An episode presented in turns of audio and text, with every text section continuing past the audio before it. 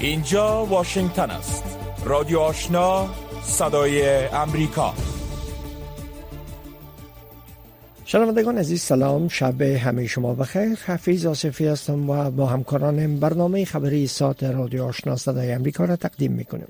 در سرآغاز برنامه خبری ساعت توجه کنین به تازه ترین خبرهای افغانستان منطقه و جهان که رویا زمانی تقدیم می‌کنه. با تقدیم سلام. همزمان با برگزاری 27 مین نشست تغییرات اقلیمی سازمان ملل متحد در مصر وزارت خارجه حکومت طالبان می‌گوید که با آن که افغانستان هیچ سهم منفی در تغییر اقلیم نداشته است اما این کشور بیشترین زیان را از این ناحیه دیده است.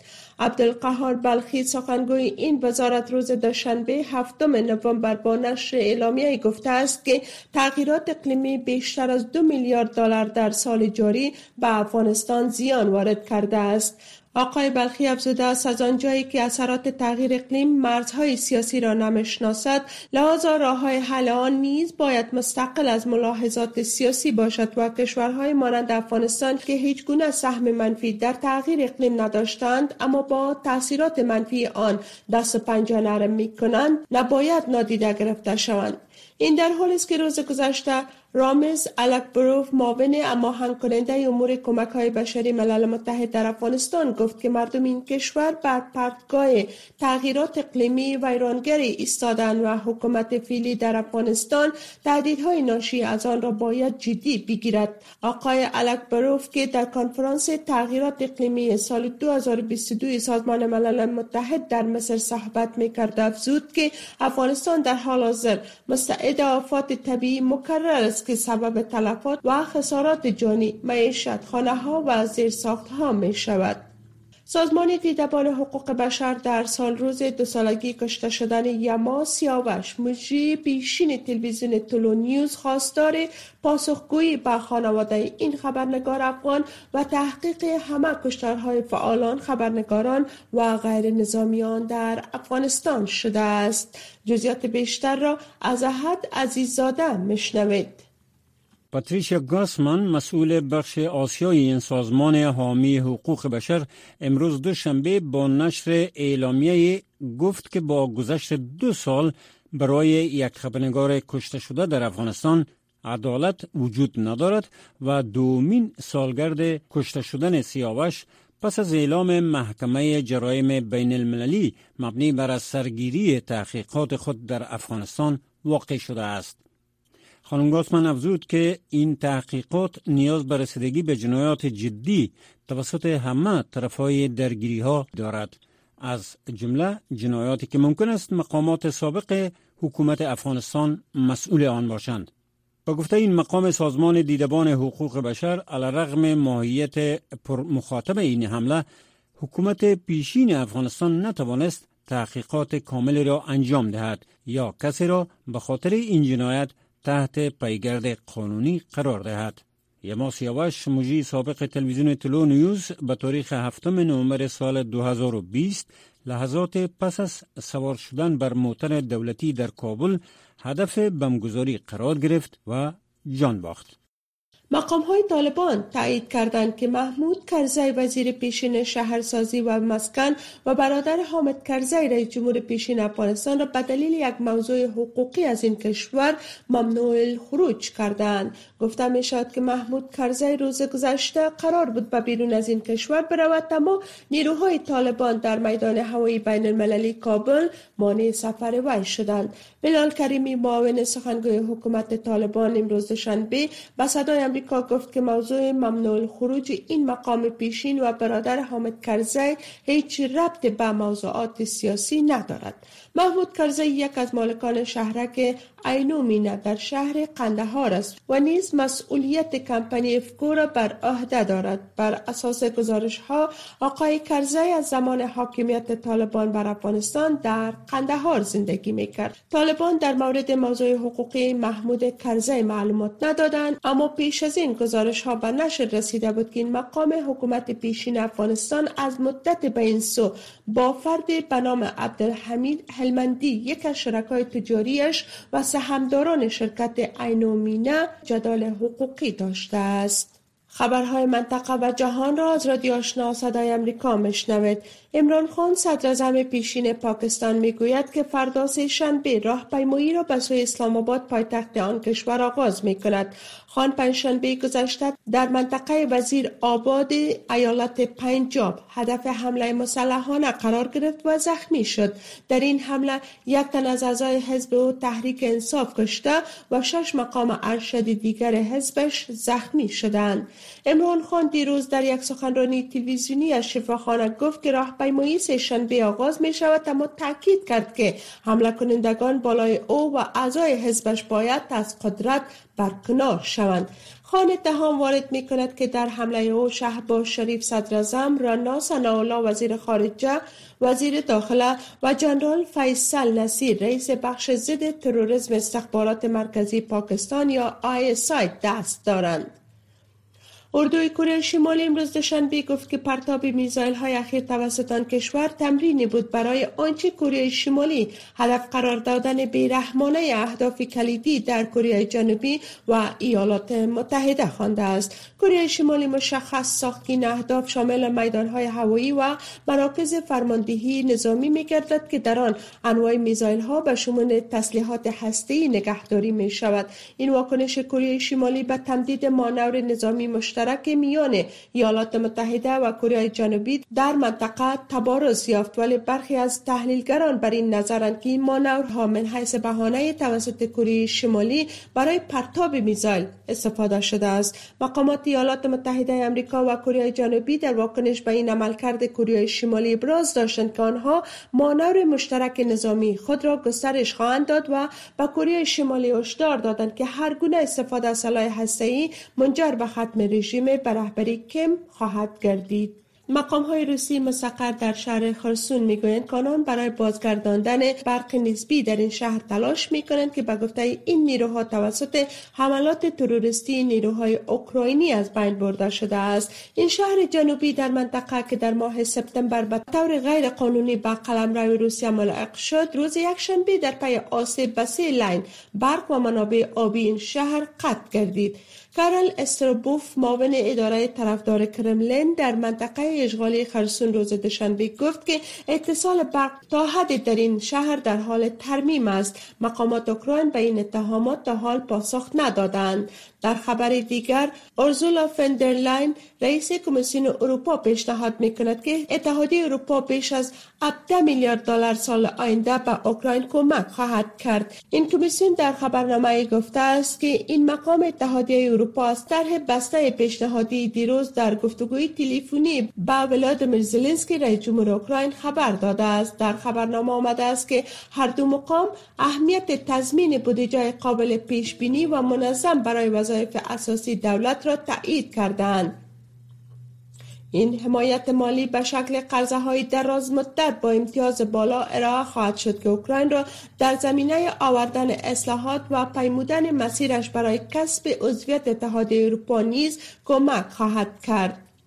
دور جدیدی از مذاکرات میان حکومت ایتوپیا و نمایندگان منطقه تیگری امروز شنبه آغاز شد تا در مورد کار نظامی و جزیات توافق که هفته گذشته صورت گرفت صحبت شود.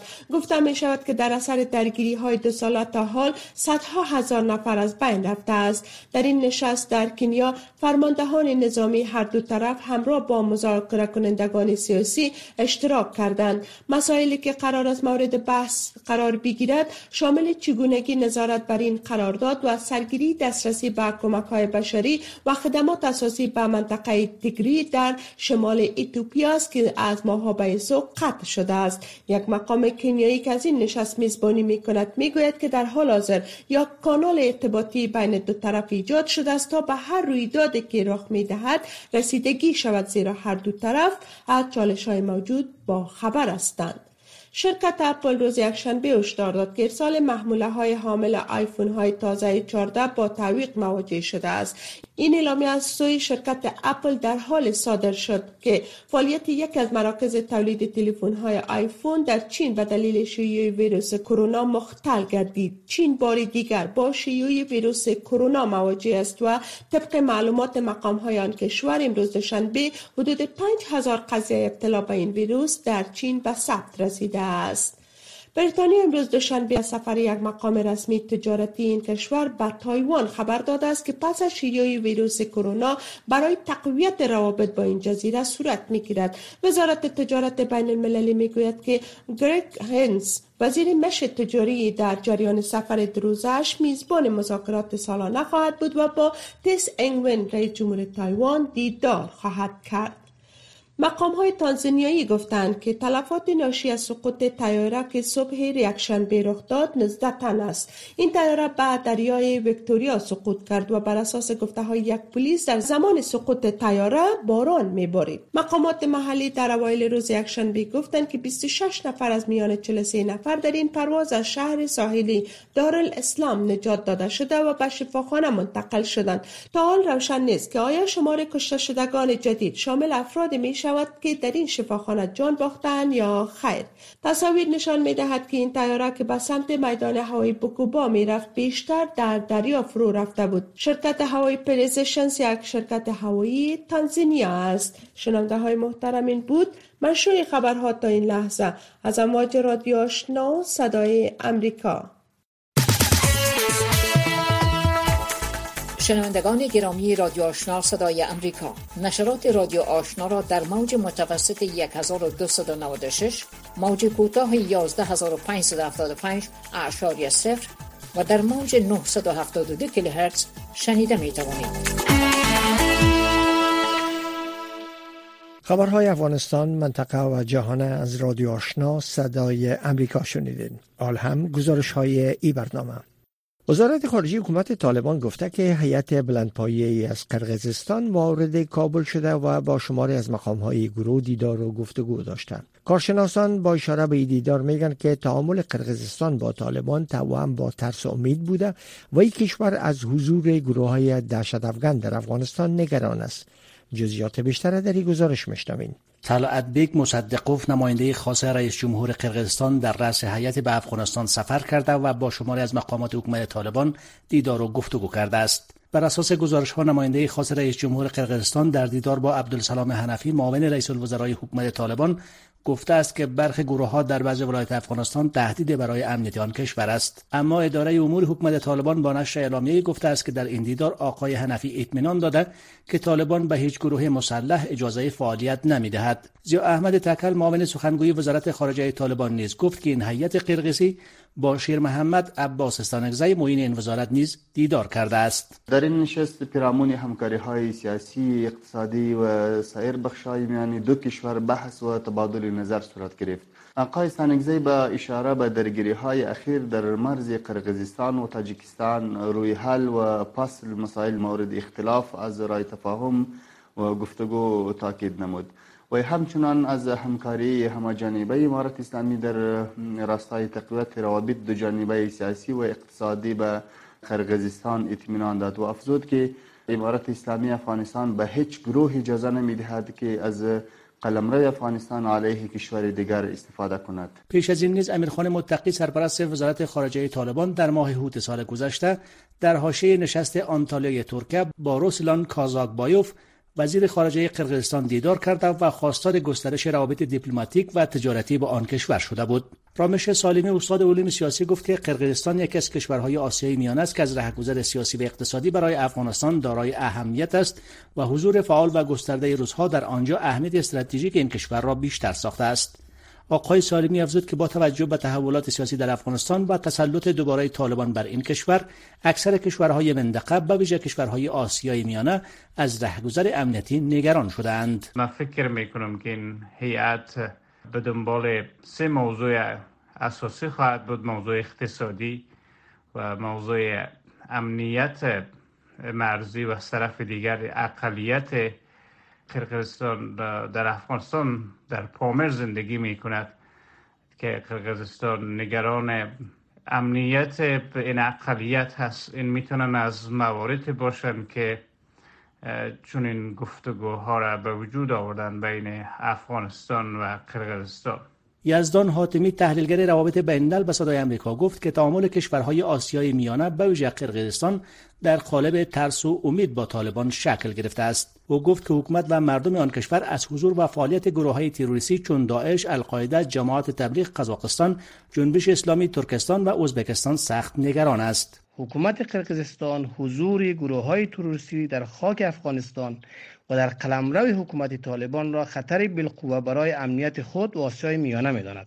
گرچند که طالبان در نشست اخیر مقامات دو کشور وعده های داده است اما ما نباید فراموش کنیم که گروه های بنیادگرا طالبان را در بدست آوردن قدرت و شکست دولت اشرف کمک نموده است. طالبان با این سادگی نمی تواند حمایت و قربانی های این گروه ها را نادیده بگیرد. این در حال است که آیدار شگایوف رئیس اداره مبارزه با قاچاق مواد مخدر وزارت داخله قرقیزستان حدود سه هفته قبل گفت که با وجود تعهد طالبان برای مبارزه با مواد مخدر قاچاق آن از افغانستان افزایش یافته است.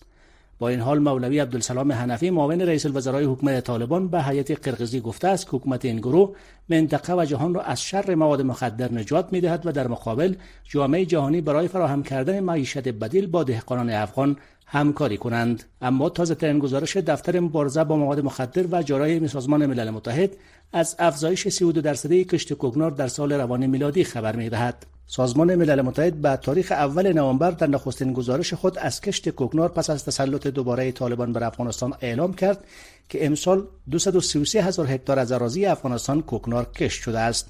بر اساس این گزارش دهقانان از کشت کوکنار 1.4 میلیارد دلار به دست آوردند. در حالی که سال گذشته این رقم 425 میلیون دلار بود شنوندگان گرامی رادیو آشنا صدای امریکا نشرات رادیو آشنا را در موج متوسط 1296 موج کوتاه 11575 اشاری سفر و در موج 972 کیلوهرتز شنیده می توانید. شنیدید که وزارت خارجه حکومت طالبان از ورود یک هیئت بلندپایه قرقیزستان به کابل خبر داده. تحلیلگران اقتصادی میگن که با وجود تغییرات سیاسی پس از فروپاشی نظام جمهوریت در افغانستان روابط تجاری بین سکتور خصوصی افغانستان و کشورهای همسایه شمالی مانند قرقیزستان و ترکمنستان همچنان ادامه یافته اما به گفته تحلیلگران این روابط بدون دردسر و آزمون نبوده جزیات بیشتر در این مورد در مصاحبه فوزی ایسان با آزرخ شافیزی عضو هیئت مدیره اتاق تجارت و سرمایه گذاری افغانستان میشنوین به نظر شما در حالی که کشورهای همسایه شمالی افغانستان از موجودیت گروه های دهشت افغان در افغانستان ابراز نگرانی می‌کنن و ترس دارن تعامل اقتصادی با طالبان به چی معناست؟ وضعیت پیچیده در دنیا وجود داره بحران اقتصادی شدید وجود داره راه های مواصلاتی عنعنوی تقریبا از اروپای شرق به طرف روسیه اروپای غرب. این بازارها تقریبا از دسترس این مردم خارج شده. لحاظا یا از امکان موجود استفاده می‌کنن تا داد استاد خود دوام بتن و منفعت اقتصادی به دست بیارن. روسیه هم چند پیش تیل به قیمت پایینتر از نرخ بینالمللی و افغانستان داد و همچنان ازبکستان چندین بار های خود به افغانستان روان کرد تا سطح معاون صدر اعظم خودم روان کرد وزیر خارجه خود معاون وزارت خارجه خود روان کرد و در این زمان مسئول خط آهن خود روان کرد تا در مورد احداث خط آهن که قبلا تفاهم شده بود در مورد کار عملی از او مذاکره کنند. اگر این ما به یک شکل از یک زاویه دید اقتصادی ببینیم معیشت مردم دوام داره. نیازهای اقتصادی دوام داره. زندگی متوقف نمیشه. حتی در شرایط جنگ های عمومی جهانی هم زندگی دوام داشته و دوام می‌کنه. این موضوعی که اینا تشویش دارن از بابت امنیت خود در همسایه جنوبی خود که افغانستان چندین بار اظهار تشویش کردن در نشست های مشترکی که داشتن به نام دفاع دست جمعی و همچنان کشورهای مشترک المنافع رهبری روسیه اینا تشویش های خود داشتن و در این زمان تجارت خود می‌کنن. طالب البته یک حکومتی هستند که هنوز به رسمیت شناخته نشدن. کشور مثل قرقزستان چطور می‌تونه روابط اقتصادیش با یک حکومتی که از هیچ جای به رسمیت شناخته نشده برقرار کنه؟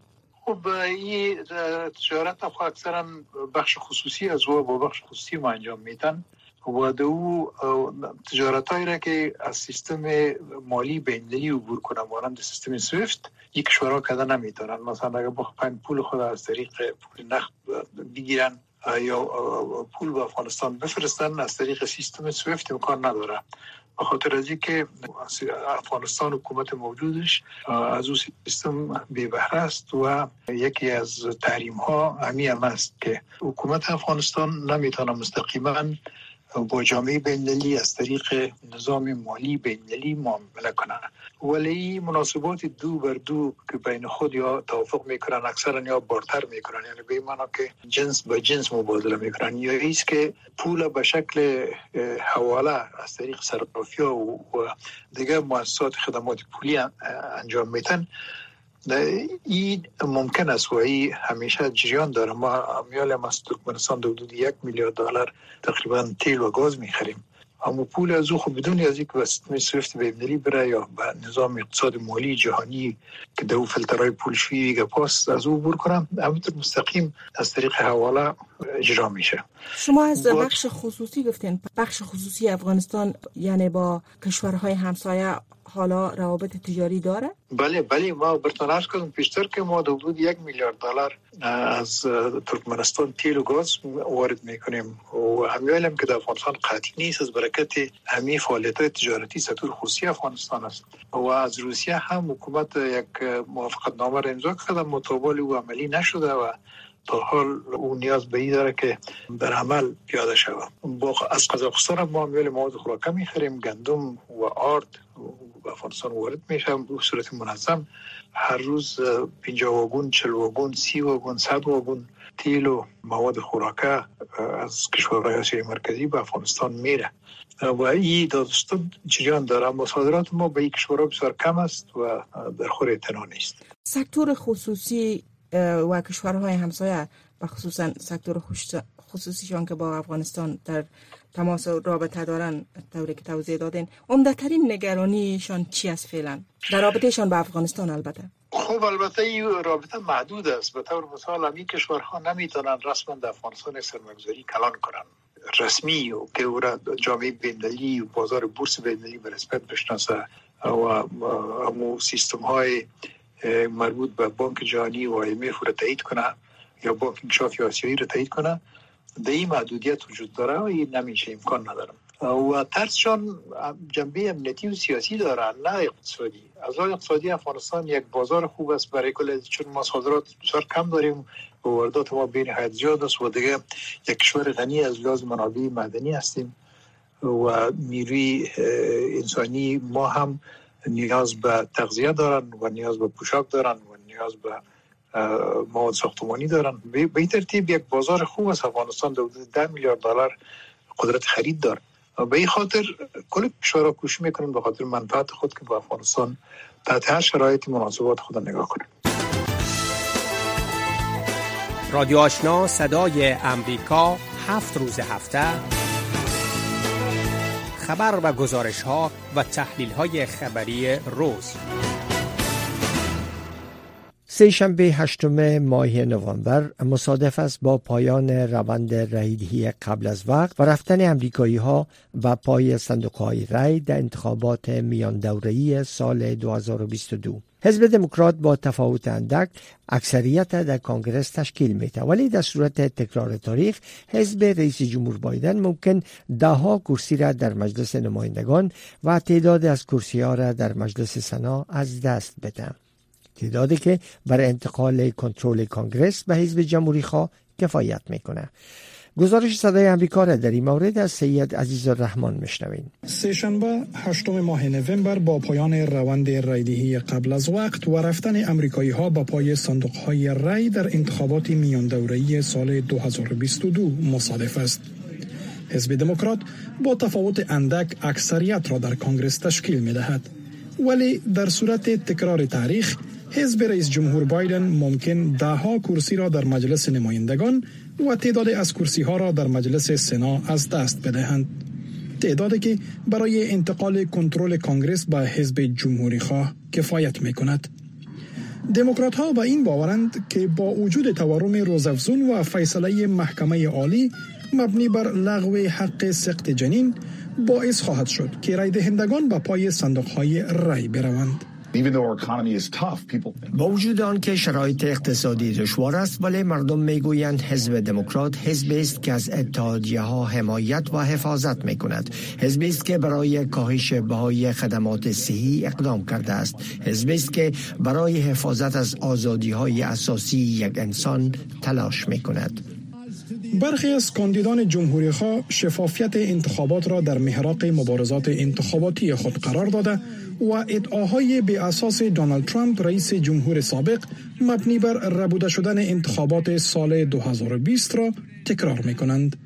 به همین دلیل نهادهای مثل مرکز کارتر در ایالت جورجیا که توسط جیمی کارتر رئیس جمهور سابق ایالات متحده و همسرش بنیان گذاشته شده است ناظران غیر وابسته به احزاب سیاسی را آموزش می دهد تا انتخابات را در منطقه فولتون جورجیا نظارت کنند.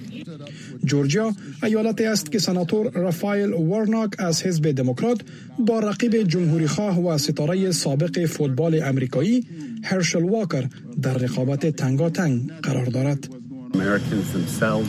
باور و اعتماد بر انتخابات میان خود امریکایی ها هم کمتر شده است. به همین دلیل ما موجودیت ناظران غیر حزبی را یکی از گام ها برای رفع این مشکل تلقی می کنیم با عنوان ناظران انتخاباتی می توانیم برای ایجاد فهم و اعتماد بر روند انتخابات تلاش کنیم. در دیگر ایالت ها به مانند پنسیلوانیا دموکرات ها شاهد از دست دادن پیشتازی قبلی خودند. زیرا فاصله رقابتی میان کاندیدان دموکرات و جمهوری خواه برای مجلس سنا نسبت به ماهای گذشته در این ایالت نزدیکتر شده است. رئیس جمهور بایدن اخیرا به خبرنگاران گفت که او در مورد چانس موفقیت دموکرات ها در این انتخابات خوشبین است ولی جمهوری خواهان ادعای برعکس دارند. برای رئیس جمهور بایدن این انتخابات یک زنگ بیداری خواهد بود و امیدوارم که به آن پاسخ دهد زیرا چیزی که در دو سال گذشته اتفاق افتاد واقعا باعث ایجاد مشکلات زیاد برای امریکا شد. فکر می کنم که کانگرس بر رهبری جمهوری خواهان بتواند طبق وعده عمل کند و امیدوارم که جو بایدن گوش بدهد. روزنامه نیویورک تایمز گزارش می دهد که تا پنجشنبه گذشته بیش از 32 میلیون نفر رأی قبل از وقت داده است ولی برخی از این آرا الا پایان انتخابات شمارش شده نمی تواند.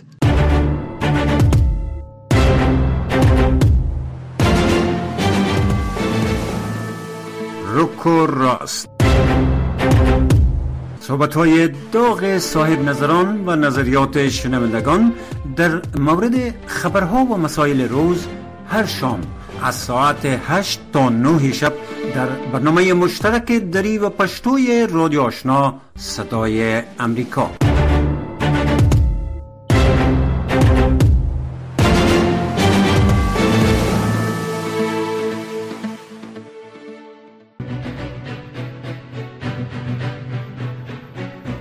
شنوندگان عزیز. ای بود داشته های برنامه خبری که در همینجا به پایان رسید. اما نشرات پشتو و دری رادیو آشنا صدای امریکا همچنان ادامه داره. شنونده رادیو آشنا باشید.